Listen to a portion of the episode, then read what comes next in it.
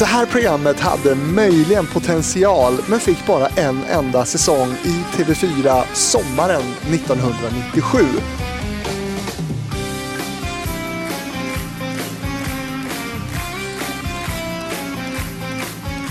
Succén med Bingolotto och spelsuget i Svea rike skulle fångas upp även när temperaturen är som högst i landet och då skapades det här programmet med Lasse Kronér som programledare. Skulle inte förvåna mig om Lasse själv hittade på hela spelet och programmet. Men du känner inte igen signaturen va, Janne? Nej, jag gjorde inte det, men när du säger Kronér så har du ju eh, avgränsat möjligheterna rätt mycket. Hjärtligt välkomna tillbaka till Sesam. Ytterligare en gång ska vi försöka slå ihjäl en timma tillsammans i spelets tecken. Och då är det en sån här som är väldigt bra. 12 juli ska det stå på den idag. Köp nu sån här för det stödjer eh, idrottsrörelsen. Nästan allt går dit utan de pengarna som jag då får. Och det är väl hälften ungefär. Eh, men det är TV4 säger du? Ja, och ett som, en, en spelvariant på sommaren de gjorde 97. Nej. Nej. Spel har inte varit min grej heller. Det här hette Sesam. Det minns jag inte ens. Nej. Det var alltså ett spelprogram i någon slags orientalisk miljö med lotter i en stor fes och en spännande scenografi i sandfärg. 900 000, alltså ja, nästan miljonen såg ändå premiären. Eh, men till program två hade man tappat ungefär halva den tittarskalan. Eh, men ja, hade ändå lite potential det här eh, tycker jag det här programmet. Det var, var ganska genialiskt upplagt ändå. Men du gillar inte spel-tv? Nej, jag gillar inte spelprogram överhuvudtaget inte. Men visst har du ändå jobbat lite med Bingolotto? Ja, det har jag gjort. Man ska ju ha mat på bordet. Nej, men det var kul. Vi, var, vi hade slutat ett gäng på SVT och bildade eget produktionsbolag. Och så kände jag Lasse sedan många år tillbaka förut och vi började prata om att vi skulle kanske kunna ha ett samarbete på något sätt i Bingolotto för då hade han ju börjat där. Ehm, ja, Så var det. det, så var det. Så att jag hoppade in där och var, ja, jobbade med allt möjligt. Producent, eh, manus och eh, ja, producentjobb kan man säga. Under Kronérs tid var ju också där alla världsartister Ja. eh, huserade då. Ja. Var Bowie och... Elton John, eh, vad heter han, bluesgitarristen over, eh, över alla andra. Jag tappar namnet. Ja, jag Men, också. mm. Men, Ja. ja. men det var ju mycket som helst. Det var ju alla de där som var ute på turné. Det var ju en sån tid då de åkte omkring i, och i, eh, promotade sina nya album. Mm. Man gjorde ju så på den tiden. Nu gör man ju tvärtom. Ja. Eh, Så att eh, de, det var ganska enkelt att få dem för grammofonbolaget bjöd på dem. Så ni behövde inte anstränga er heller speciellt mycket då? Nej, Lasse Salin som var den som, som eh, skötte eh, artistbokeriet. Han hade ju bra försänkningar i, i grammofonvärlden. Och fick ju alltså tips om att nu är Elton John på G i, i era regioner intresserade. Ja, ja, det tror fan det. Och så, så att det var rätt mycket sånt. Men det var inte bara eh, så att man fick det eh, spar, eh, stekta sparvar flygande i munnen på en. Nej. Utan de fick ju jobba en del, självklart. Men det var mycket, de hade kontakter i, i eh, grammofonvärlden. Det här med att du inte gillar spel-tv, hur var det att jobba med spel-tv då? då? Har man ett jobb så har man ett jobb. Om man tagit det så har man ju hackat i sig vad, vad det handlar om. Och eh, det innehöll ju så många andra moment än, än eh, spelet. Jag, jag bortsåg från spelet, det fick andra sköta. Jag eh, skötte det där mellan spelen så gott jag kunde. Intervjuer och, och allt sånt Ja, här? det var det, de delarna jag jobbade med. Ja. I TV-fabriken nummer 30 då kan man höra Lasse Kronér då prata bland annat mer om Sesam och mycket annat naturligtvis. Men nu ska vi prata mer om dig, Janne. Okej. I ett TV-fabriken från Göteborg. Jag heter Fredrik Rahlstrand. 10. Starta band. Pass på. Starta TV-fabriken om 5, 4, 3, 2, 1. Varsågod. Morgonankare i SVT, utskälld Eurovision-kommentator. Ja, välkommen Janne Ingrid. Tack så mycket. Du, vi sitter här mitt i Göteborg, kanske i den eländigaste av delar just nu tyckte du. Ja, det skulle jag nästan vilja påstå. För här byggs allting om. Så man vet inte från ena, ena dagen till den andra var man kommer fram. Nej. Men du hittade hit Ja då. Till den här hotellobbyn som vi eh, sitter i Ja. nu mitt i eh, centrala Göteborg. Och vad är det vi tittar ut på då? Vi tittar ut åt, Nils Erikssons terminalen, Ja? Nils Erikssons terminalen och centralstationen och så läppstiftet, det ser vi inte men det ligger alldeles vägg i vägg här närmast. Ja, Erskines eh, monumentalbygge. Som, gillar du läppstiftet? Ja, man har, eh, jag tyckte väl inte att det var så jäkla kul när, eh, från början men man vänjer sig. Ja, nu tycker jag det är riktigt fräckt faktiskt. Ja. Men det har ju stått där några år. Nya bron här då, Götaälvbron, heter den så? Jag har kört över den en gång. Jag har inte sett den än för man kommer ju inte, man kommer ju inte i den vinkeln när man kör bil eller åker buss eller någonting så att man ser själva bron. Jag har sett den på bilder. Ja, den är väl okej antar jag, men den krånglar ju redan. Ja, men den skapar mycket debatt här i stan va? Ja, det gjorde den. Men det, allting som blir nytt skapar debatt i den här stan. Varför är det så? Vad är det med göteborgarna? Jag vet inte om eh, vi har en, en eh, större benägenhet än andra svenskar att vilja bevara. Det Kan vara så och det kan ju delvis bero på att eh, de gick ju bärsärkagång här på var det 60, 70, 70 80-talen och rev alla de fina gamla stadsdelarna i Haga och, och det här vackra la- landshövdingehus som man kunde valt att eh, bevara och eh, reparera upp. Fått en väldigt fin stadsdel. Den är fin ändå men det är inte detsamma som det hade varit. Men det här är din stad.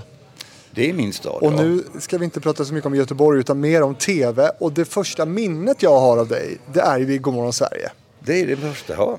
Och jag menar, det var ju superstort. TV på morgonen, förhållandevis nytt då. Ehm, och det första jag tänkte kolla med dig, hur det blev TV för dig överhuvudtaget. Du var ju liksom pop, popbandskille. Du spelade i popgruppen Perhaps på Ja. 60-talet. Ja, stämmer. Det var ju väl Svensktoppen och hela... Ja, ja, vi var ju med lite överallt och, och turnerade runt i landet och så här. Och, ja, vi var verkligen popmusiker men... Största kände- hitten, vilken var det? Det var en låt som hette Ciao Baby. Och vårt nästa gästband kommer här från Göteborg och heter Perhaps. De ska spela en låt från deras Amerikaproducerade LP Ciao Baby.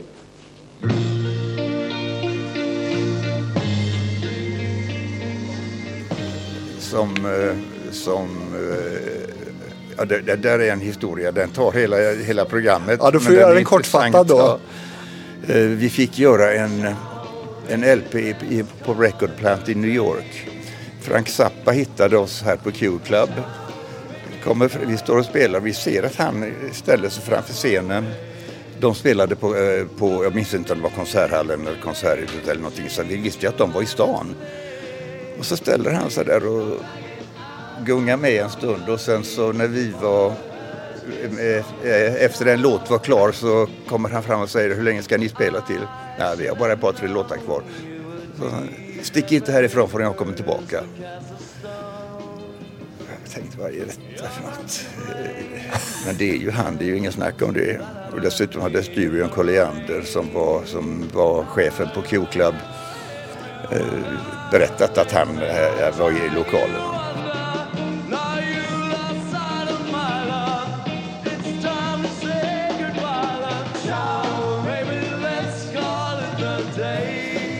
Så kom han tillbaka Frank eh, efter en, eh, en liten stund hade med sig en snubbe till.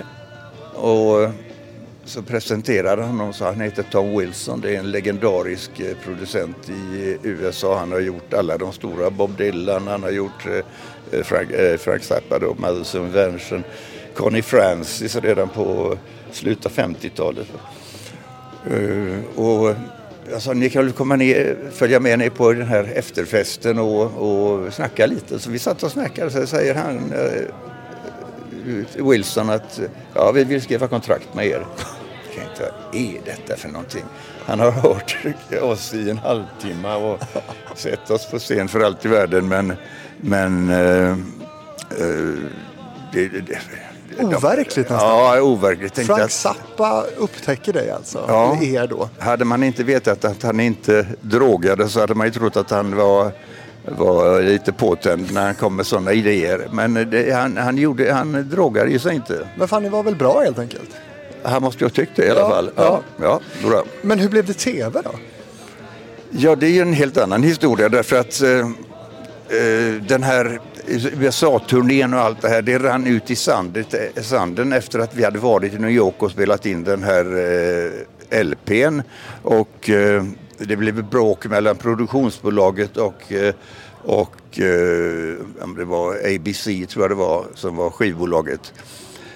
De hade haft dåliga resultat jättelänge så de rev alla sina kontrakt med eh, produktionsbolagen och vi åkte med i den serven. Så att det, på det viset tog ju vägen uppåt i popvärlden den tog ju slut där för oss på något sätt. Vi hade ju bra med jobb här hemma men jag kände att nej, nu räcker detta. Jag hade hela tiden haft drömmar om att bli journalist. Eller drömmar, men jag ville bli journalist. Det hade eh, grott i mig rätt länge. Och eh, då tänkte jag nu satsar jag på det. Mm. Så att eh, jag söker in på eh, Journalisthögskolan. Här i Göteborg? Ja, här i Göteborg och kommer inte in. Jag hade för dåligt mattebetyg. Ja, det var faktiskt det. Jag hade för dåligt mattebetyg. Och jag har ju spelat, jobbat som journalist i 25-30 år och har aldrig haft någon som helst glädje av eh, högre matematikkunskaper. Nej. Så att det är fullständigt koko med sådana inträdeskrav som det var då. Så jag tog en annan väg, eh, läste sociologi, läste psykologi och lite sånt för att tänkte, för samhällsfrågor har alltid intresserat mig. Och sen så sökte jag det ena vilket efter det andra. Då man går ju den vägen, du vet hur det är. Ja. ja. Eh, sommarvik och grejer och får ingenting för jag har inte gått JH. Men så plötsligt blir det ett, uppstår ett eh, vikariat eh, i februari månad på Radio Sjuhärad i Borås. Och så ringer PG mig som var stationschef och säger Är du intresserad? Ja, för fan, så, det är klart jag är, men jag har ju sökt eh, alla möjliga. Jag får inte. Ja, du kommer hit då, så testar vi. Samma väg som Lasse Brandeby och, och många andra. Janne Josefsson, ja. De kom eh, direkt efter mig där, ja. Mm. På Sjuhärad också just. På Sjuhärad, De ja. hade bra span på talanger helt enkelt. Ja, uppenbarligen. Ja. ja. Men det var det att PG Johansson som var stationschef, han var lite lurig och hade mycket kontakter i i popvärlden. Mm -hmm. Så han hade ju förmodligen scoutat lite grann vad, vad det fanns för individer där som kunde vara användbara i något sammanhang som han hade glädje av. Mm. Lasse spelar ju också i ett popband, Brandeby. Just det. Så att, eh, jo, det, så, så började det och sen så han sa, vill du jobba på Sjuhärad? Jag kan jobba i Kiruna så jag får ett, eh, ett, ett, eh, eh, vad heter det, reporterjobb på radion. Och så började jag där och sen gick det på några veckor så ringer chefen från Radio Göteborg och säger, du, vill du, kan du tänka dig att jobba här? Ja, så jag, jag har sökt tre gånger och har inte fått något. Ja, det skiter vi i nu, sa Då var du välkommen? Ja, precis. Och då var du inne i eh, Lokalradion. Lokalradion, Lokalradion ja. ja. Och då jag, var jag där i rätt, jag var sex år, sex, sju år, sex år. Så ringer Sivert Öholm och undrar om jag kan tänka mig att vara reporter i hans program eh, Svar direkt. Klassiker. Ja, klassiker ja.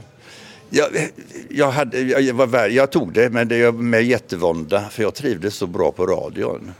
Och eh, ja, men jag tog det i alla fall och det kan jag inte påstå att jag ångrar. Det kan jag inte, det kan inte göra. Och på den tiden satt ni i samma hus? Ja. Nej, det gjorde vi inte. Nej, det var inte så... Lokalradion hade inte börjat eh, flyttat dit där nu. Vi satt i Östra Nordstan då på ah, den tiden. Okay, okay. För sen flyttade ju um, SVT och SR ihop då på, på Delsjövägen ja. eh, nära Bögatan, hållplats eh, här i Göteborg. Där det numera är bostäder bara när man åker förbi va? Ja, det, det är ju för ju... sorgligt alltså. Ja, det var ju ett riktigt tv-hus. Det, ja, det är, det är något, ett monument ja. som har försvunnit alltså. Verkligen. Ja, det är, det är med en tår i ögat man åker förbi där varje gång man gör det. Ja, synvillan som Synvillan, det kallades. Ja, ja precis. Eh, det var något annat det. Men och sen hamnade du då i tv? Då hamnade jag i tv därför att eh, Sivert blev sjuk. Jag hade jobbat en, en säsong som, eller möjligen, ja, en säsong på Svar Direkt och sen på hans sommar, han hade en sommarnattsprogram också. Var det kvällsöppet möjligen? Nej, det var Nej. inte det utan det hette något annat. Men skitsamma. Eh, så det gick bara på under sommarveckorna. Och sen blev han sjuk. Och det där eh, Svar Direkt var ju tablålagt och klart. Det, det, alltså, Göte- Göteborg var då tvingade att eh, ha ett program där för att eh, tablån skulle gå ihop för eh, gänget i Stockholm. Och då fick vi uppdraget att göra ett eh, samhällsprogram av något slag. Ja, ni fick göra ett annat program då? Ett annat program. Aha. Och då blev jag programledare för det. Lite nervigt var det för att jag hade visserligen rätt många år i radion och skillnaden är inte så jäkla stor egentligen på själva jobbet man ska göra. Det är ingen skillnad alls. Men mer än att man ska se ut också. Ja. Eh, ja det, och det, är, det är ju en belastning hela tiden. Och vad är vi för år nu? Då är vi 1900... du, du, 80, 88, 87, 88 någonstans. Det är ju en tid också då, då alla tittar på samma kanaler. Ja. Så då hade man väl miljonpublik vad man än gjorde. Ja, det var, det var ju så. Ja. Det var ju så. Hur var det för dig då, att bli igenkänd och sådär? Trivdes du med det eller? Egentligen så hade jag smugit mig in i den världen på en, på en, läge, på en, eh, en lägre nivå kan man säga. Men I att man var popmusiker här i stan så var man lite igenkänd bland dem man träffade. Och de andra visste man, eller brydde man sig inte så mycket om vad de tyckte och tänkte om mig. För de tyckte och tänkte ingenting om mig eftersom de inte kände till min existens. Eh, det var i Stockholm som när man vi spelade på klubbarna där så det, där fanns det lite folk som kände till mig och- folk i branschen då i min ålder de eh, kände man ju också. Men jag, menar, jag var inte, jag var inte eh, igenkänd någon annanstans än i, än i Göteborg och, och, och där i en begränsad skara i en begränsat ålderssegment. Som tittar på just de programmen ja. Ja, jag tänker på pop... eh, Alltså popscenen, ja, ja, då precis, var som- som var- kom på era spelningar och så. Precis. Men så, och sen kom jag till radion och då växer ju det där eh, lilla kändisskapet lite grann lokalt Mm. fortfarande. Så jag, det gick eh, stegvis uppåt så det var inte så jättestor skillnad tyckte jag. Men du blir, du blir ett namn. Ja, det blev, ju, det blev ju så. Och ett tv-program som du sen kommer på 90-talet att förknippas väldigt mycket med det är ju Tipsextra. Ja. Ehm, för de som inte minns konceptet eh, som var superstort, berätta vad var det för program? Det var ett fotbollsprogram egentligen, för det var Lars-Gunnar Björklund som eh, lyckades förvärva eh, sändningsrätten till, engelsk eh, fotboll. För han tyckte att man skulle ju kunna ha fotboll hela året i tv här också, precis som i England. Det spelas ju nämligen toppfotboll i England under vinterhalvåret. Eh, Eh, och då satte han ihop det med, med eh, trav, travinslag. Eh, så gott de kunde följa travet som pågick ungefär samtidigt då lördagstravet. Och så var det lite intervjuer med profiler och sådana här saker. Och, eh, Väldigt trevligt program. Och blev också, Tipsextra blev ju också lite sinnebilden för pappor i brynjor hemma med öl i handen Ja, som, som tittar och tittar på Tipsextra. det var nidbilden. Ja, nidbilden. Hur nära sanningen var det då? Det där? Jag vet inte, jag var ju gudskelov inte och hem, äh, hälsade på i Svenska Hem på lördag eftermiddagar. För då satt jag där uppe på Delsjövägen. Hur var det jobbet för dig? Jätteroligt. Det var fantastiskt roligt eftersom jag dessutom är sedan eh, födsel och ohejdad vana intresserad av eh, engelsk fotboll. Mm. Vad har du för favoritlag? Arsenal såklart. Ja, ja. är det såklart? Ja, det är alldeles givet. Hur går det för Arsenal då? De leder ligan överlägset Ja. efter många år i en svacka nu. Så har de, eh, leder de nu med åtta poängs marginal för Manchester City. Saknar du Tipsextra rent av? Nej, inte som det är idag. Nej. Inte som det är idag. Det är, det är helt andra krav, men det var ju en annan tid det förvisso. Va? Om- Ja, något som man minns också från Tipsextra-tiden var pling i rutan va? Ja. Var pling, Så kommer eh, upp ställningen i de andra tipsmatcherna. Ja. just det. Ja, nej, det var en annan tid. var en Allt, annan tid. allt var en annan tid i tv-sammanhang. Man kan säga att SVT eh, tackade 1995 nej till att eh, fortsätta visa Tipsextra eh, och från säsongen 95 till 96 så, så övertog sändningen av TV4 och hette då Tipslördag. Ja, Så det förlorade SVT kan man säga, den här engelska Ja, eftersom, eh, eftersom eh, SVT hade betalat någon miljon om året eh, för sändningsrätterna. Och då betalade SVT, om jag minns rätt, också för Island. För de, de fick åka med på ett hörn där. Och sen så åkte gänget förhandlingsdelegationen över till England för att förhandla om eh, nya rättigheter när, när eh, det avtalet gick ut. Och då var TV4 med och ville konkurrera och då la de dubbelt så mycket pengar eh, i sitt bud som de visste att TV, eh, eh, SVT hade möjlighet att betala. Och det låg en 25-30 gånger högre än de, än de hade behövt betala för att få det. Men då visste de att då kan inte TV, SVT komma tillbaka nästa år för att de pengarna har de inte. Det är taktik bakom det där. Det är taktik och sen eh, sket de sig i, på tummen ändå därför att året efter tog ju Viasat eller vem det var över. Då la de ju tre, fyra gånger högre bud än så. Eh, Är man nyfiken på det här med eh, sport-tv-rättigheter kan man lyssna på TV-fabriken med Jonas Eriksson som har jobbat bland annat med att sälja just sport-tv-rättigheter. Hur det går till Ja. bakom den. Eh, Ja, det är ju en mångmiljardindustri idag. Uff, Det är ju det de tjänar pengar på, det lagen. är inte sant vilka pengar det är. Ja, men jag minns att SVT betalade tror jag en miljon för eh, sändningsrätten ett år. Det får du inte en eh, pausunderhållning för idag. Ingenting. Nej. Nej, nej men tipsextra. Men sen parallellt då med det så, så jobbar ju du också med Godmorgon Sverige. Ja. Eh, och bara för att, för att ta det här tillbaka till när det startade så kan man ju säga att Hyland startade ju morgon-tv i Sverige från Göteborg. Definitivt ja. Eh, och det här sändes ju då på den tiden på lördagar i Sveriges Television mellan 77 och 96. 93 började man även sända på vardagsmorgnar efter det att TV4 hade börjat eh, att sända morgonprogrammet God morgon som det hette då i början av 90-talet. Och sen så hette det då 93 till 96 hette det God morgon Sverige. Och sen 96 till 2001 bytte de namn till Rapport morgon. Lite torrare men ja, tydligt. 2001 till 2004 så hette det SVT morgon. Och sen tog SVT tillbaka varumärket Godmorgon Sverige efter det. Till det att det, som det heter nu då, nuvarande Morgonstudion. Som jag jobbar med lite ibland Ja. eh, nu för tiden. Men det här med morgon-tv, är det något att ha det? I den form, ja, ja men som det var då så var det definitivt någonting att ha därför att det var, det var ett magasinsprogram. Det var ju inte som det är idag, eh, ett, under, eller ett eh, rent nyhetsprogram. Eh, och det fyllde en väldig funktion därför att ja, men det var ändå någon miljon som tittade på det varje lördag morgon. Eh, inte från klockan åtta men eh, det växte ju efterhand som eh, klockan blev mer, eh, gick mot tio. Så det var ju någon miljon som tittade på det. Så det fyllde ju definitivt en funktion.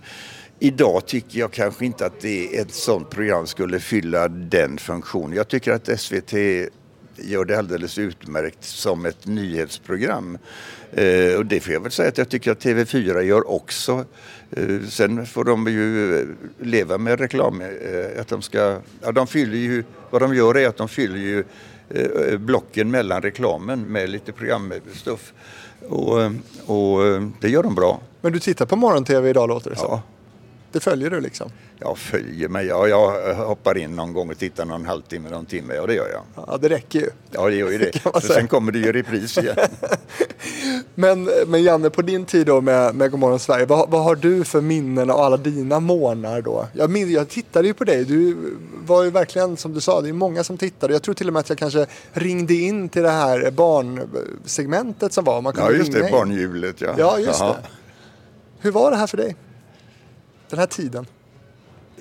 Egentligen var det inte så farligt. Jag är ingen morgonmänniska egentligen. Men eh, jag hade vant mig från lokalradiotiden. Eh, när man var som nyhetsreporter där så fick man börja tre på natten för att köra de första tre, fyra sändningarna där. Och, läsa tidningarna och samla ihop eh, stoff till telegram och sånt där. Och så att det, det, det gick rätt bra, eh, måste jag säga. Det gick riktigt bra. Eh, man får ju ställa om dygnet bara. Och det var lite värre kanske att ställa om bara en dag i veckan. Men nej, det, jag tyckte det var jätteroligt och jag hamnade ju i situationen att jag fick välja mellan Tipsextra och, eh, och och eh, Godmorgon Sverige. Jag- Sten Previn ville göra ett experiment, Göteborgs lördag. Vi börjar åtta på morgonen med Godmorgon och slutar klockan fem i sex med eh, Tipsextra. Och jag var programledare för bägge de programmen. Eh, och Det blir lite tufft. Ja, jag orkar inte. Jag trodde jag skulle, inga problem. Jag lägger mig i logen och sover.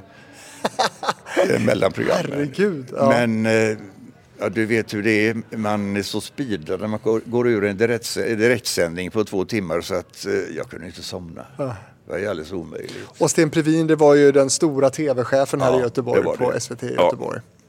Salig i åminnelse. Salig i åminnelse. Och på ja. tal om det, du sände ju många månader med Kurt-Erik Holmqvist, för det var ju musik då också, eh, en stor del av programmet. Han, han spelar väl liksom signaturmelodin i princip på månaderna där. Ja, han var ju med från det att eh, Fredrik Belfrage tog över. Mm. Eh, efter, eh, var det Per... Eh, Ja, jag har ett quiz till dig. Ja. Nu ska vi se hur många okay. Godmorgon Sverige-programledare du minns då från början eh, och fram till då det, det bytte namn från Godmorgon Sverige till Rapport Morgon. Men okej, du får börja från början du. Vad har vi här? Vem började? det var Hyland. Lennart Hyland 77 till 80 körde han. Ja, och sen hade vi Berit Gullberg tror Ja, jag. men emellan, vad är ni emellan där? Från 80 till 84. 80 till 84 före. Var det Per Ragnar? Per Ragnar? Han var tvåa, ja just det. Jag trodde han var trea. Ja. Nej, och sen kommer Berit Gullberg. ja. Vem var det för de som inte minns? Eh, det vet... Jo, det vet jag. Eh, Men jag känner, eh, har aldrig träffat henne. Hon var... Jag har för mig att hon var någon slags eh, kommunikationschef, eller kanske inte var, kanske regissör. Hon jobbade i alla fall på Dramaten. Jaha, okej. Så hon kom från teatervärlden. Ja, ja, ja. Precis som Per Ragnar. Precis, precis som Per Ragnar. Ja, Ja. Berit Gullberg kör alltså 84 till 85. Sen då? Sen var det Fredrik. Sen var det Fredrik Belfrage från 85 till 89. Sen då? Lennart Broström. Jajamän, bra där. 89 till 90. Sen kommer då en kille som heter Janne Ingrid. Ja, 90 till 96. ja, Så blev det. så blev det. blev, Ja. av, av de här är du de som, den som gjorde det längst. Ja, jag gjort, gjorde det och eh, eh, Belfrage har kommenterat det någon dag eh, när vi har spelat golf eller något.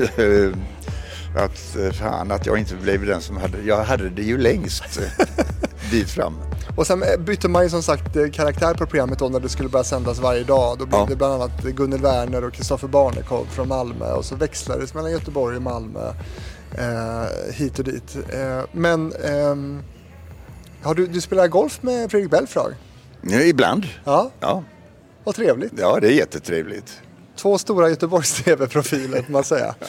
Men, men som sagt, sex år gjorde du programmet och det här med eh, signaturmelodin, jag tänker på, på Kurt-Erik Holmqvist, men det finns ju några underbara klipp med Hyland när han förmodligen påverkad av en del alkohol ska sjunga den här signaturmelodin God morgon Sverige, tingelingeling på Youtube. Det kan man, vi kan, jag kan lägga in det här. Ja, okej. Väldigt roligt eh, klipp. Han kan, inte, han kan omöjligt vara nykter när han gör detta. Jag vet faktiskt inte, jag var inte med på den tiden där. Så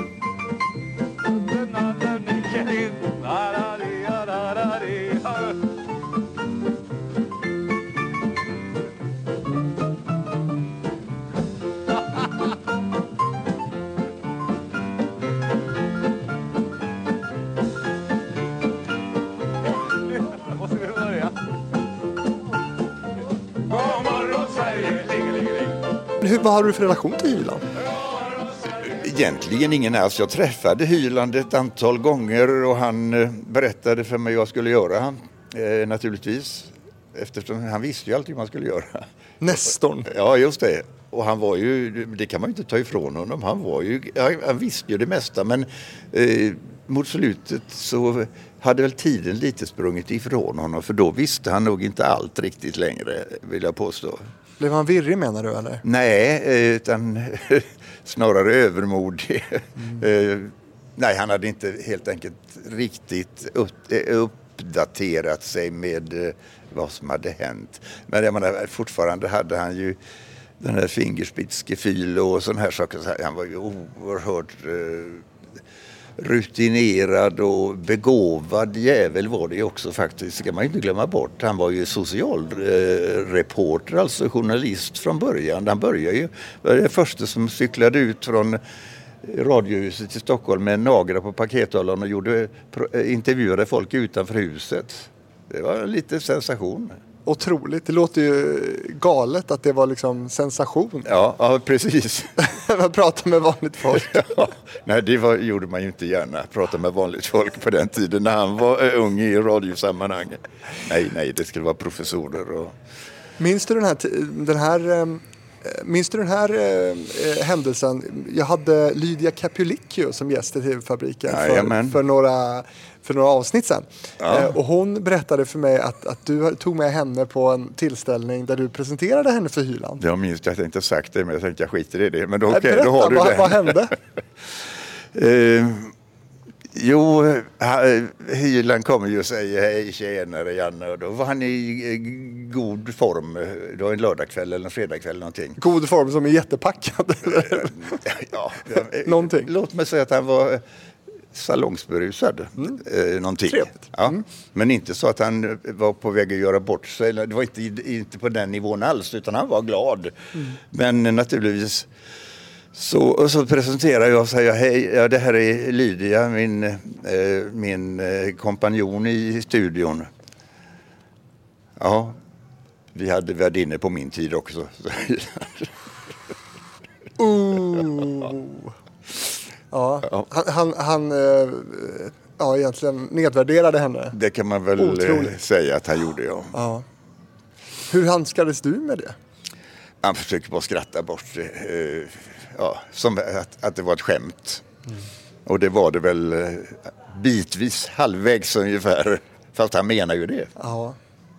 Mycket allvar kanske Ja, också ja, med ja, det. ja.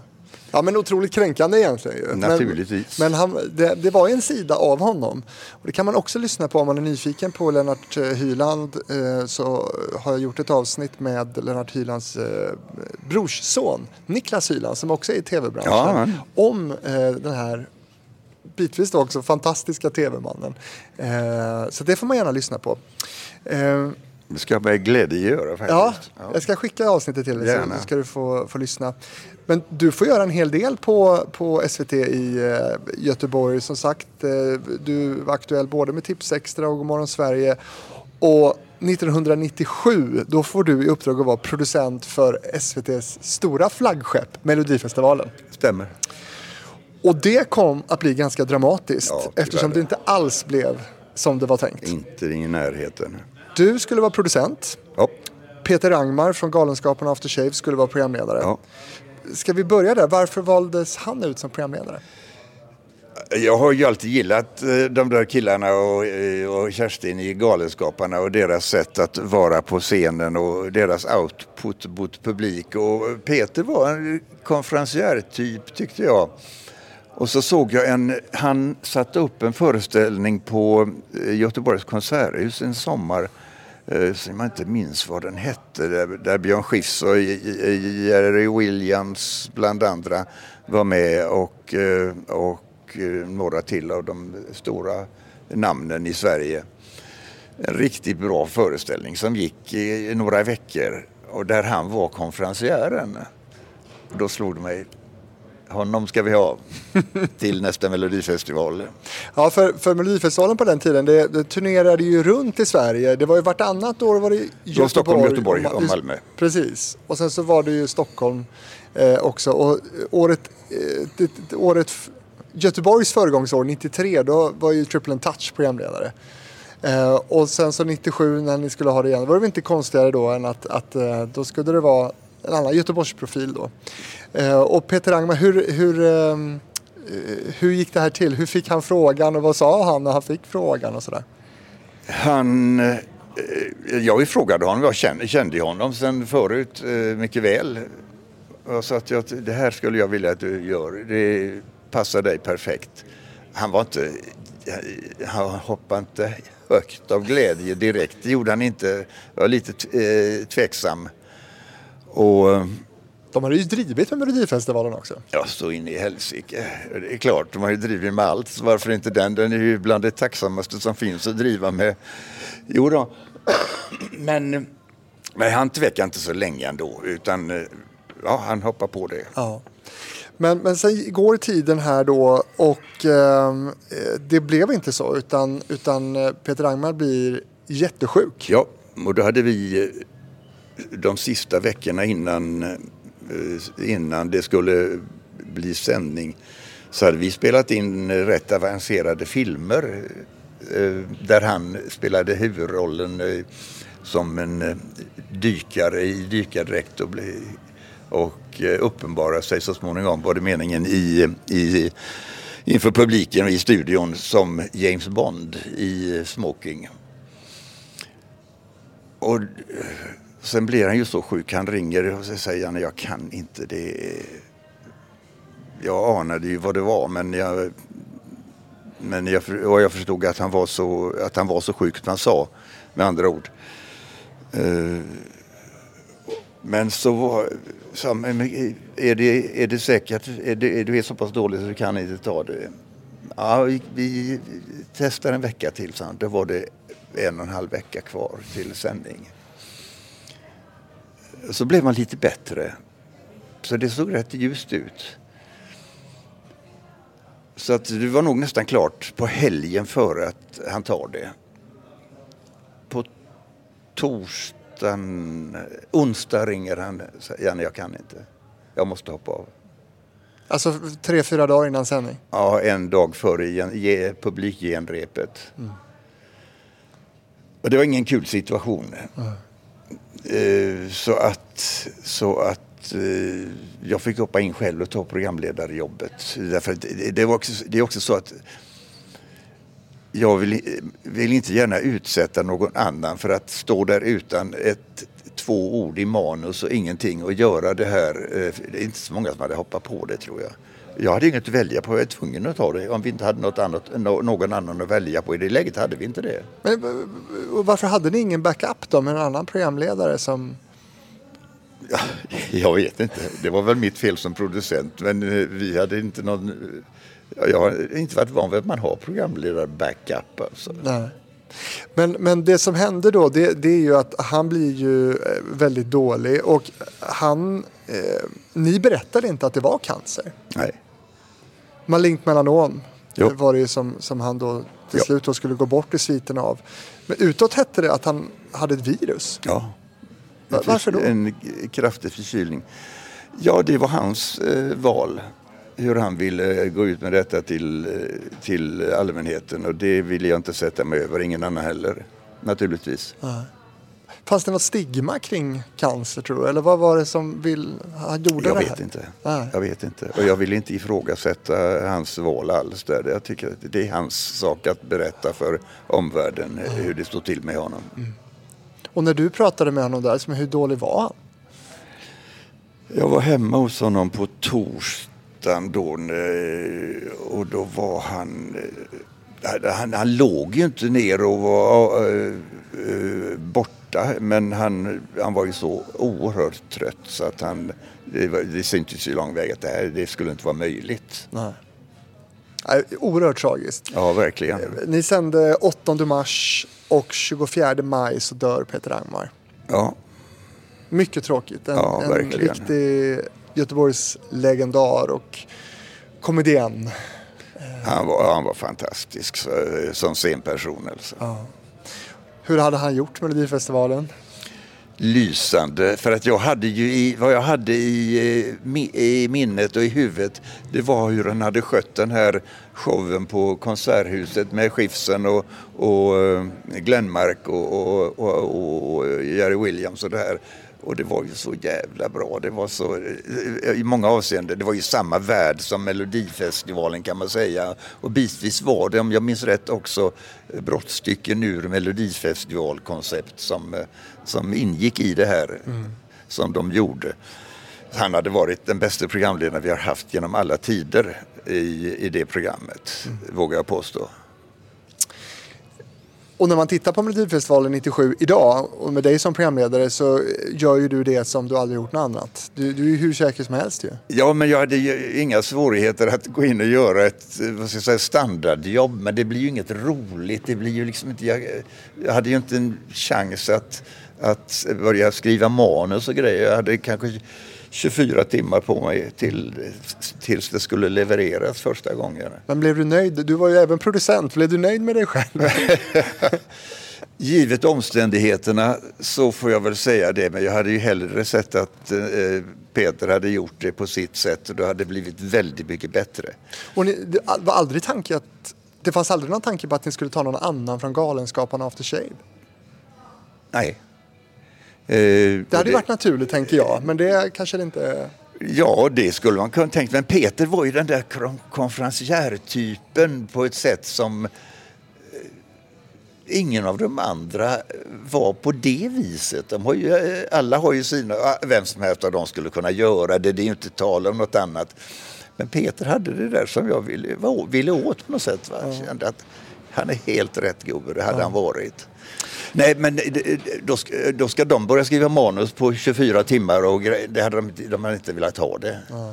Möjligen för att hjälpa Peter då, eller i den Ja, mig i så fall Ja. närmast. Ja, och det, så mycket ville de nog inte hjälpa mig. Så de, Men du, eh, Janne, ni var i Eriksbergshallen Ja. i Göteborg. Där har man inte haft Melodifestival varken förr eller senare. Nej. Hur valdes den platsen? Det minns var ju snyggt, jag. alltså. Ja, jag minns banne mig inte varför vi valde den. Skandinavium var väl upptaget antagligen. Eh, och då är det inte så mycket mer att välja på här i stan. Det blir en nödlösning helt enkelt. Det, var, eh, det får man nog säga att det var. Och det är också därför som eh, Göteborg inte kan arrangera Eurovision Song Contest nu för tiden. För ni har ingen modern arena här. Är det någon sån på gång eller? Ja, nej, det tror jag inte. Men jag hade ju, hade ju eh, långt gångna planer på att eh, kunna göra det här i Göteborg efter... Vi gjorde ju Melodifestivalen 2000 här På Operan? på Operan. Ja. Och då fick man ju lite hybris när det, man kom in på Operan och det dessutom gick jäkligt bra.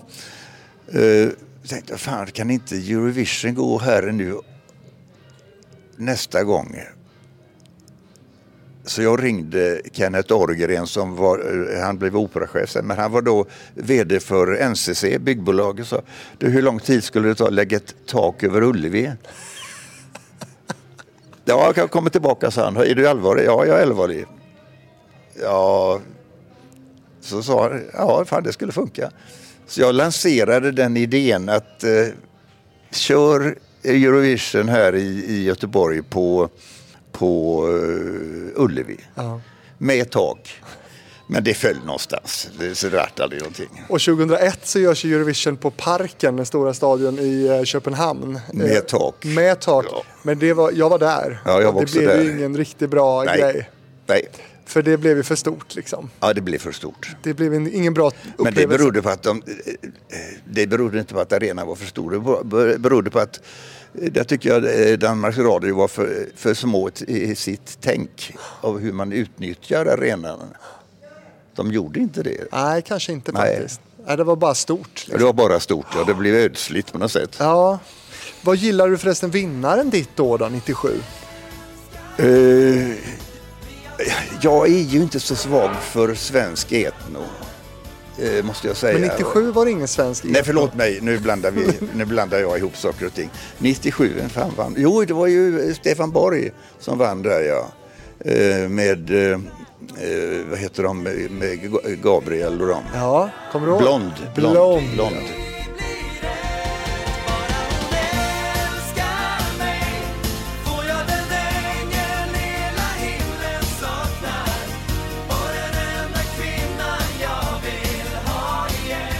Bara hon älskar mig. Det var samma låt som Carola hade sjungit eh, några år tidigare. Fast då hette den eh, Mitt i ett äventyr. Ja, lite. De påminner ju om varandra, så kan man säga. Påminner om ju årets understatement. Men utredde du det då för Ja, jag, plagiat? nej, jag, nej, nej. Jag, jag så, skojade med Stefan om det och sa, vad fan. Du har ju snott din egen låt. Ja, det finns väl inga regler mot att man inte får plagiera sig själv.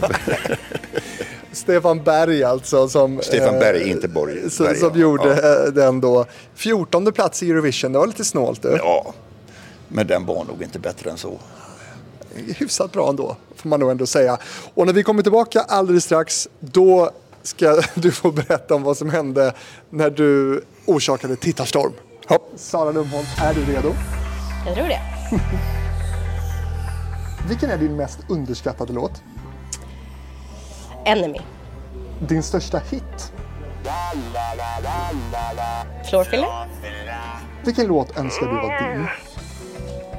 Did it again. Vilken var din första platta du fick? Boys to man. I swear. Vilken är din största spelning? Eh, Grön konsert i Danmark. Då hade vi väl 65 000 eller något. Vad är det sjukaste du har varit med om i din karriär? Eh, har varit docka. Hej! Sara Lumholt här. Jag är gäst i podden Hitfabriken och det blir en hel del snack om A-Teens. Du hittar avsnittet på Spotify och där andra poddar finns. Ha det gott!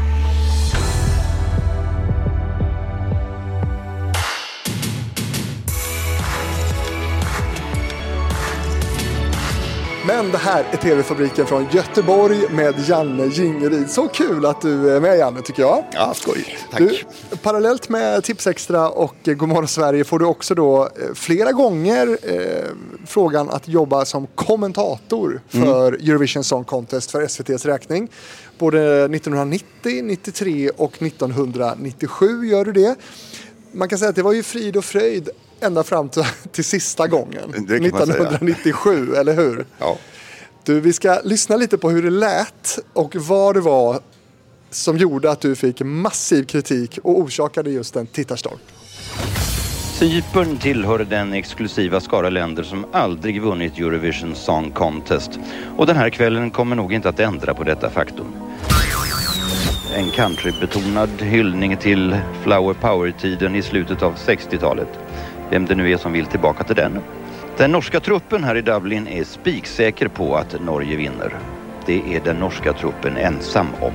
Men eh, någon förnedrande sista plats blir det nog inte. Det finns starkare kandidater än Norge till den platsen.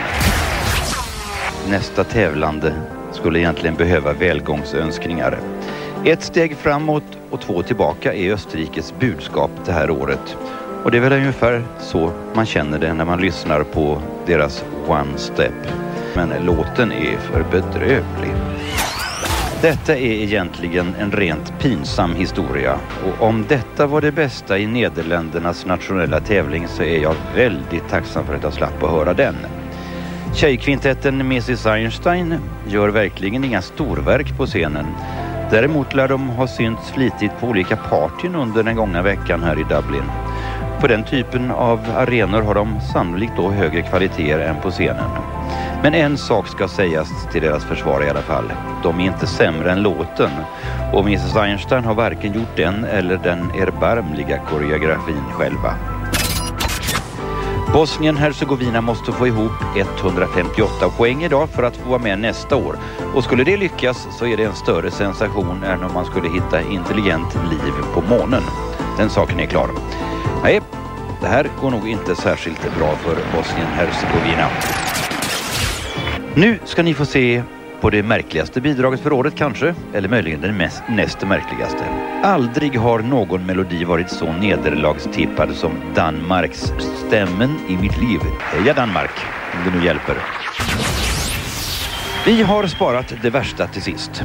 Nu ska ni få uppleva den mest smaklösa, det mest smaklösa inslaget i den här tävlingens historia. Island satsar på något som man inte trodde var möjligt. Gummi och läder och en stank av 30-talets depraverade tyska nöjesliv i anslaget. Meningen är väl att det här ska vara erotiskt laddat. Det är det inte. Det är iskallt. Paul Oskar som sjunger har själv varit med och skrivit text och musik. Och om åtminstone det hade varit bra så hade man väl kanske kunnat överse med det usla skådespelet vi ska få uppleva nu.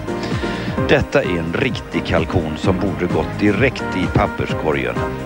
Den här slåss garanterat i bottenskiktet. Men varning för er som är känsliga. blunda de närmaste tre minuterna. Ja, Janne. Man kan säga roligt, men bitvis ganska hårt också. Vad fasen var det som hände här? Jag hade... Man har ju, går ju alltid, vi var, är ju där en vecka och så går man ju och tänker på hur man ska lägga upp de där, den där minuten man har inför varje låt. Vad, vad gör jag av den? Man måste göra något roligt av den, inte bara bara vara megafon för skivindustrin. För det är ju det man är. Man sitter och berättar sånt som eh, skulle falla, fällas i reklam, eh, eh, som reklaminslag närmast i i granskningsnämnden om man ska följa de regler som råder för public service. Men jag brydde mig inte så mycket om det juridiska. där. Jag tänkte att det är så tråkigt bara läsa upp deras pressreleaser för det är ju det man gör som kommentator. Man, man har ju inte mer än den minuten på sig. Och då ska man läsa de fakta som finns där. Det är, mycket få har gjort särskilt mycket mer av det. Jakob Dahlin var en som gjorde lite mer, till exempel. och flera har gjort det sen. Men jag hur som helst bestämde mig efter att ha mött Terry Wogan Klassisk Eurovision-kommentator för kan man BBC. säga. Ja, Mm. precis. Också salig i åminnelse. Ja, Gud vad alla dör hela tiden. ja, det var värst. värst. Och det blir fler och fler tycker Ja. jag. ja, det pratar vi inte om. Nej, vi gör inte det. Jo, eh, så sa jag, har du några tips? Och så drog han en gång. Och då bestämde jag mig. Alltså, alltså, var, håll inte på och stryk dem medhårset. Läs inte upp reklam. Eh, slogans och grejer. Utan var ett tygen, var elak, var jävlig mot dem. Jag tänkte, det är en ny och god idé. Roligt. Alltså, jag vågar. Ja, för fan, han kör. Så det var Terry Wogans idé det här. Det var Terry. Wogans idé, ja. Ja. Och då bestämde jag mig rätt så att jag hade rätt god tid på mig då att faktiskt eh, utveckla de tankegångarna. Och när man då har hört eh, en del av inslagen så var det ju väldigt mycket god, eh, gott materia där att jobba med för att vara elak. ja, för du tyckte att låtarna det året var bland det sämsta du har hört. Det var bland det sämsta jag har hört. Eh, enda som stack ut var ju Katrina and the Waves faktiskt. Som vann. Som vann, ja. Men- de sämsta låtarna var ju så dåliga så det liknar ingenting. Men det var nog inte hela sanningen om varför det blev, eh, det blev ju tittarstorm. Det blev det. Ja. det blev det. Jag satt i en studio i TV-huset i Göteborg och var backup-jury för, för Sveriges räkning om telefonröstningen Okej. skulle krascha det året. Och även där vi satt då med, med Gösta Hansson som skulle liksom lämna rösterna eh, från Sverige, från TV-huset i Göteborg det året. Så började det liksom komma in folk i studion och sa det är tittars, växeln är nerringd sa de. Och, och, och de tyckte att du liksom var för elak. Mm. Vad, vad märkte du av det i sändningen? Eh, det bör, eh, märktes redan efter två, tre låtar, eller tre, ja i alla fall i, i början. Då kommer dåvarande programchefen som var med där upp och säger, du, eh, folk, de ringer från Stockholm och säger att folk klagar att du eh, är, är för tyken, för elak. Nej, så jag, det är jag inte, det är ingen fara. Han hade ju inte hört det, för han var ju där. Va? Ja, men eh, de var, stod på så jag sa, ja, men jag kan göra det som jag har tänkt så får du ta över, så jag. Och det hade han ju inga planer på att göra, är klart.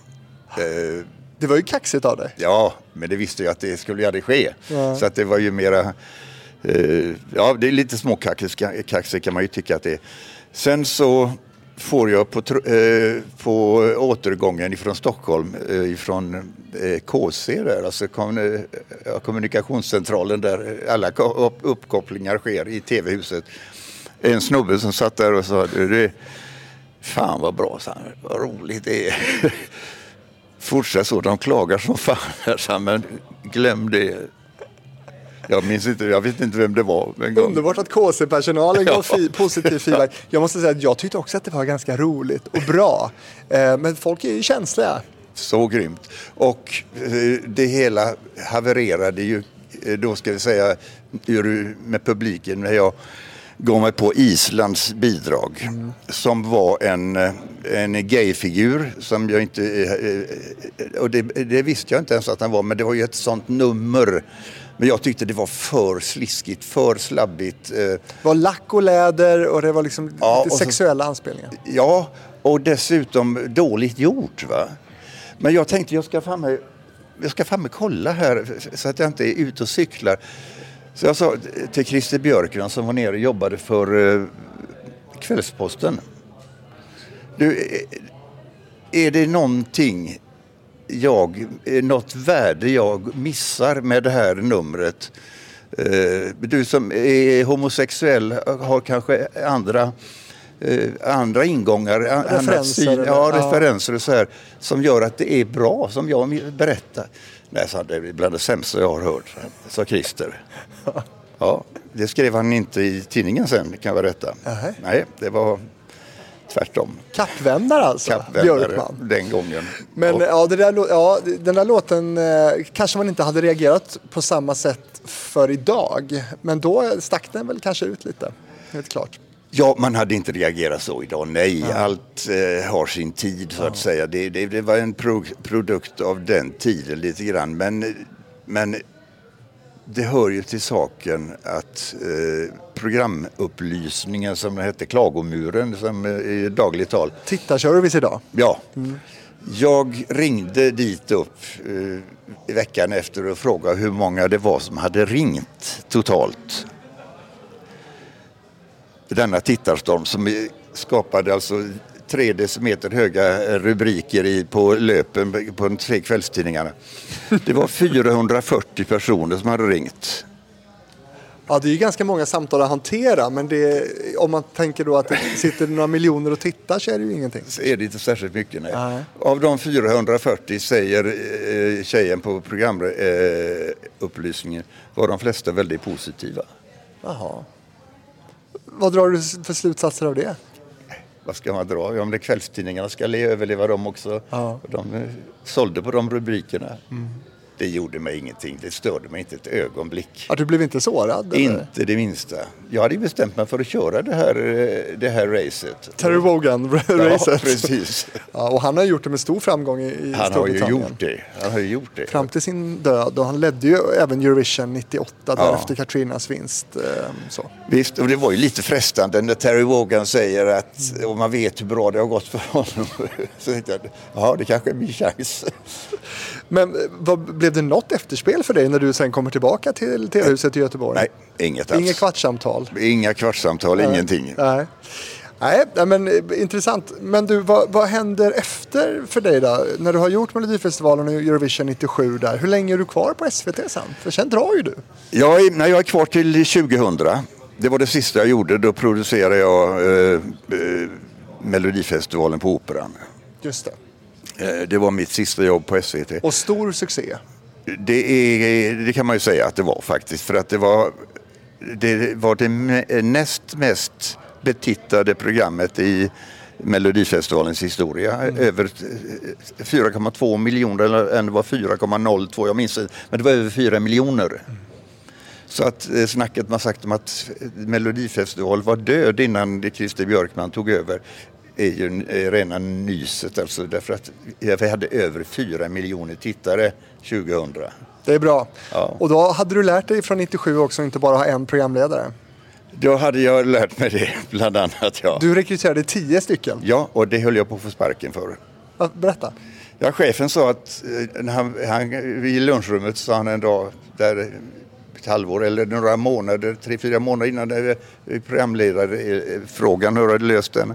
Eller har du löst den sådär? Ja, så det, jag har löst den. Ja, vilka blir det? Man har alltid två, vet du. Jag har tio programledare. Va? Du skojar? Nej, tio programledare. Nej, det får du inte ha. Nej, men det blir tio programledare.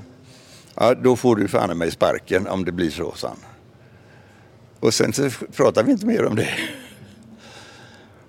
Och jag fortsatte med det där, för jag insåg att det här är en möjlighet till en, en förnyelse av, av program, eller Melodifestivalkonceptet. Ja, det blev ju historiskt också. Och, och på pappret så är det ju en ganska rolig idé att, att man har liksom en programledare per bidrag som får presentera. Ja. Det, blir ju ganska, det var ju en jättebra... Men du fick inte sparken. Nej, jag fick inte sparken ett dugg.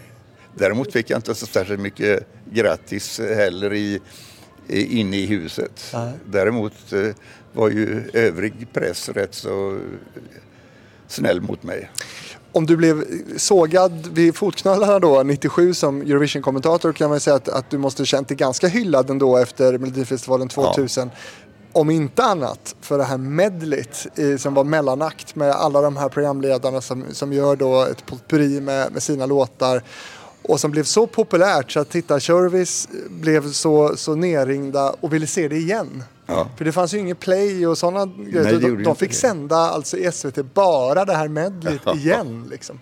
Ja, det blev ju en eh, dundersuccé det där medlet och det var, eh, det ska vi man ju tacka i hög grad Hans Marklund och eh, Dan Evmark eh, för. Eh, eh, Danne gjorde, gjorde ju arrangemanget och, eh, och det var ju i hög grad eh, Markan som, som totade ihop det här. Det var visserligen, eh, eh hade fyllt hela programtiden, om han hade fått igenom hela sitt medley men eh, lyckades ta ner det till, så det, till det formatet format det blev. Och det är ju, han är ju genial, eh, Hans Marklund. Alltså. Det har honom att tacka för väldigt, väldigt mycket när det gäller det där. Men det var ändå... Jag kände ju att grejen var att jag hade sett, så, eh, koll, eller funderat jättemycket över programledarmanus och det ena med det andra. Vem ska det vara?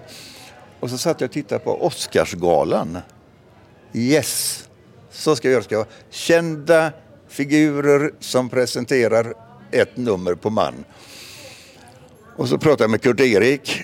Eh, Ja, fan så det är bra, eh, säger Kurt-Erik.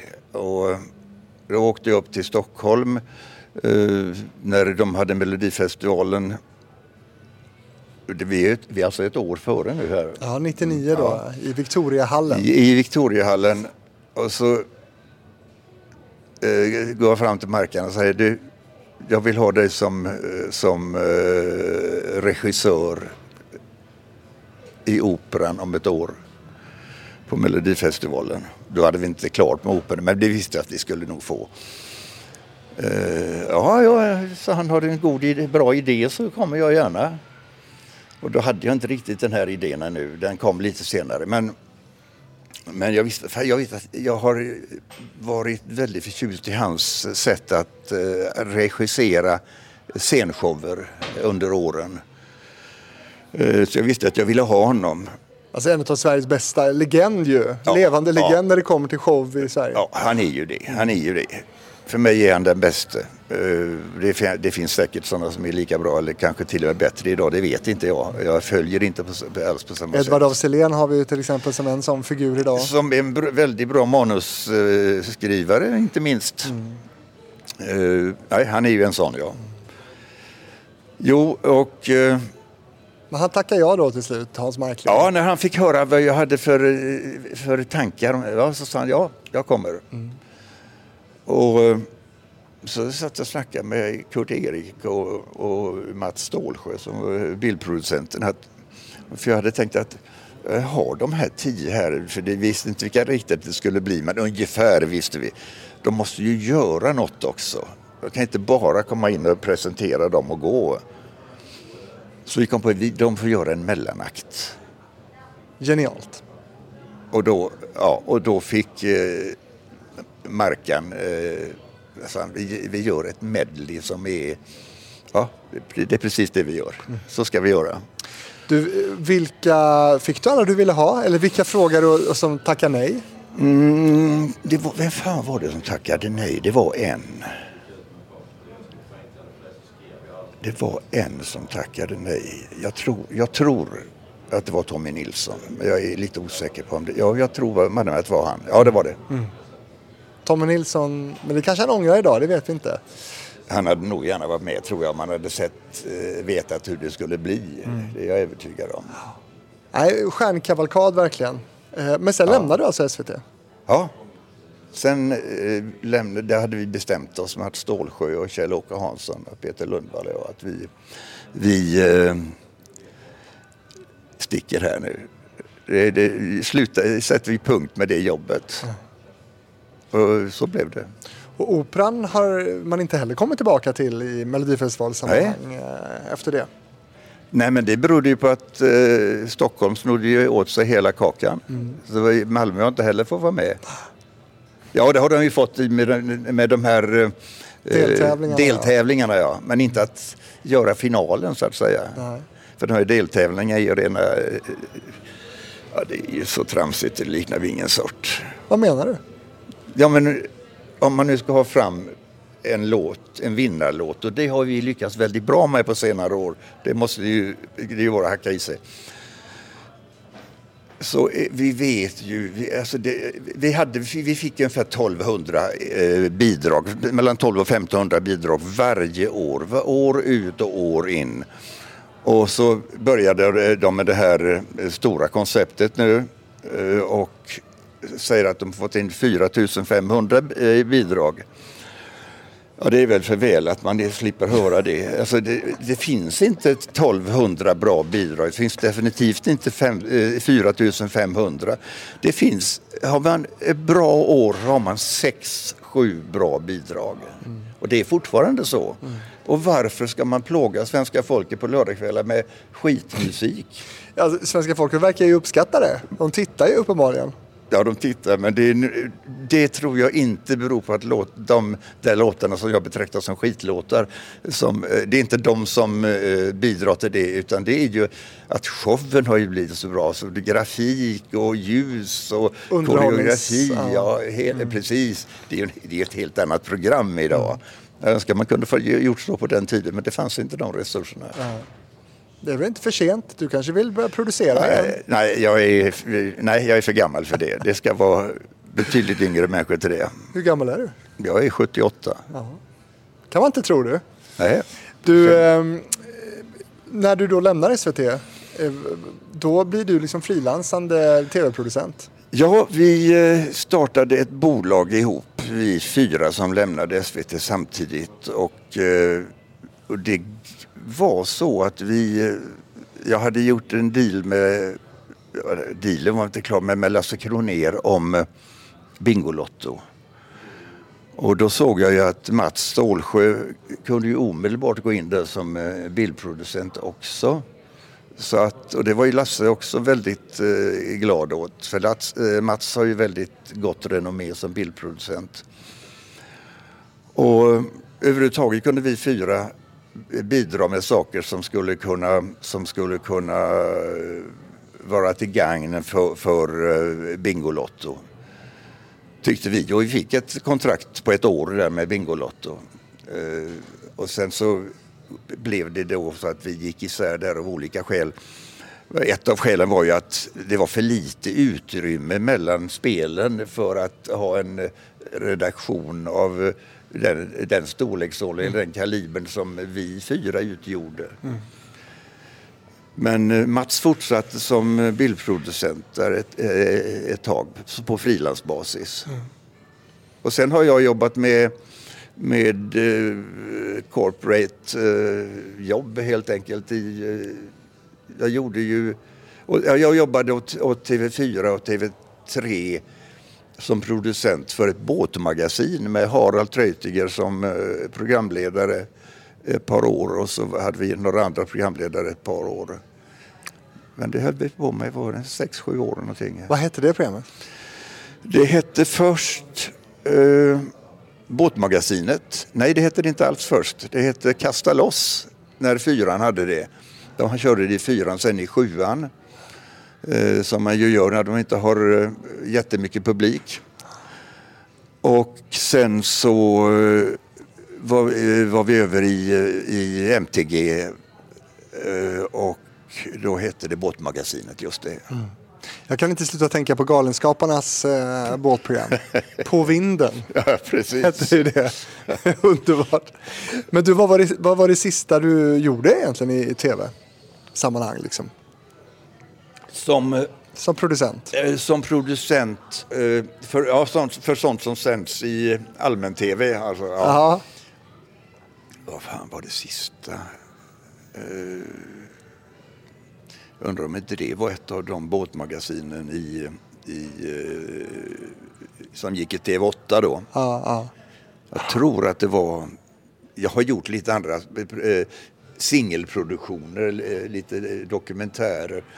Ja, kanske förresten, jag tänker efter. Jag gjorde faktiskt en dokumentär om Nisse Lidholm. Mm. Legendarisk fotbollsspelare i, eh, i, i Italien. Mm. Och sen gjorde jag en dokumentär om Ostindiefararen eh, i Göteborg. Jag tror att de gick, att det var efter jag hade slutat på SVT. Och jag hade slutat med allt annat också. osäker, osäker. Men du, nu när vi har liksom snackat igenom din tv-karriär här. Ja. Och när du liksom tänker på det, vad, vad, är det, vad är det roligaste du har gjort? Radio. okej, okay, det är roligt. Ja, okej. Okay. Ja. Du saknar radion lite eller? Ja, jag saknar radio. Ja. Nej, jag ska inte säga. TV, åren på SVT är nog de roligaste i mitt liv. 90-talsåren där. Ja, mm. det, så är det nog. Och TV var väldigt roligt att jobba med men radio är friare. På något, inte bara på något sätt, det är mycket friare. På alla sätt? Ja, på alla sätt. Ja. ja. Men då har man ju inte bilden heller. Nej. Inte hela bilden. Men, men eh, så kul att prata TV med dig Janne. Eh, helt otroligt vad du har gjort mycket. Vad gör du idag? Spela golf. Med Fredrik Belfrage? ja, då och då. Uh, nej, jag, jag, gör lite. Jag har ju gjort, jag har hållit på. Jag har ju inte kunnat pensionera mig utan det, man gör lite företagsvideos. Och, alltså du gör det? Ja, inte nu längre. Eh, coviden satte definitivt uh, stopp för sen, nej, så jag orkar inte dra igång igen. Fick du covid? Nej. Du klarade det? Jag klarade mig ja. faktiskt, ja. Men jag gör lite sådana här intervjuare jobb i eh, idrottsakademier och i sådana sammanhang. Konferencier helt enkelt? Konferencierjobb gör ja. jag fortfarande, ja. Men det är inte så mycket. Kul att höra. Hur var den här upplevelsen för dig då? Sitta och prata om ditt tv-liv en timme med mig. ja, jätteroligt. Jag minnas sånt där som jag hade glömt bort. Meteorologen hade jag glömt bort helt. Är det något jag borde ha frågat dig om som jag inte har gjort nu? Det är det säkert. Men okay. jag minns det inte heller. okay. Nej, då kanske vi sätter punkt ja. helt enkelt. Eh, du som lyssnar på det här och vill komma i kontakt med mig, du gör det på fabrikspost gmail.com och så kan du naturligtvis följa TV-fabriken på Facebook och eh, på Instagram. Där kan du också få se hur Janne ser ut nu för tiden. Vi ska filma honom alldeles snart och, och, och lägga ut. Janne Ingrid, tack så mycket för att du var med. Tack ska du ha. Och vi går ner i svart.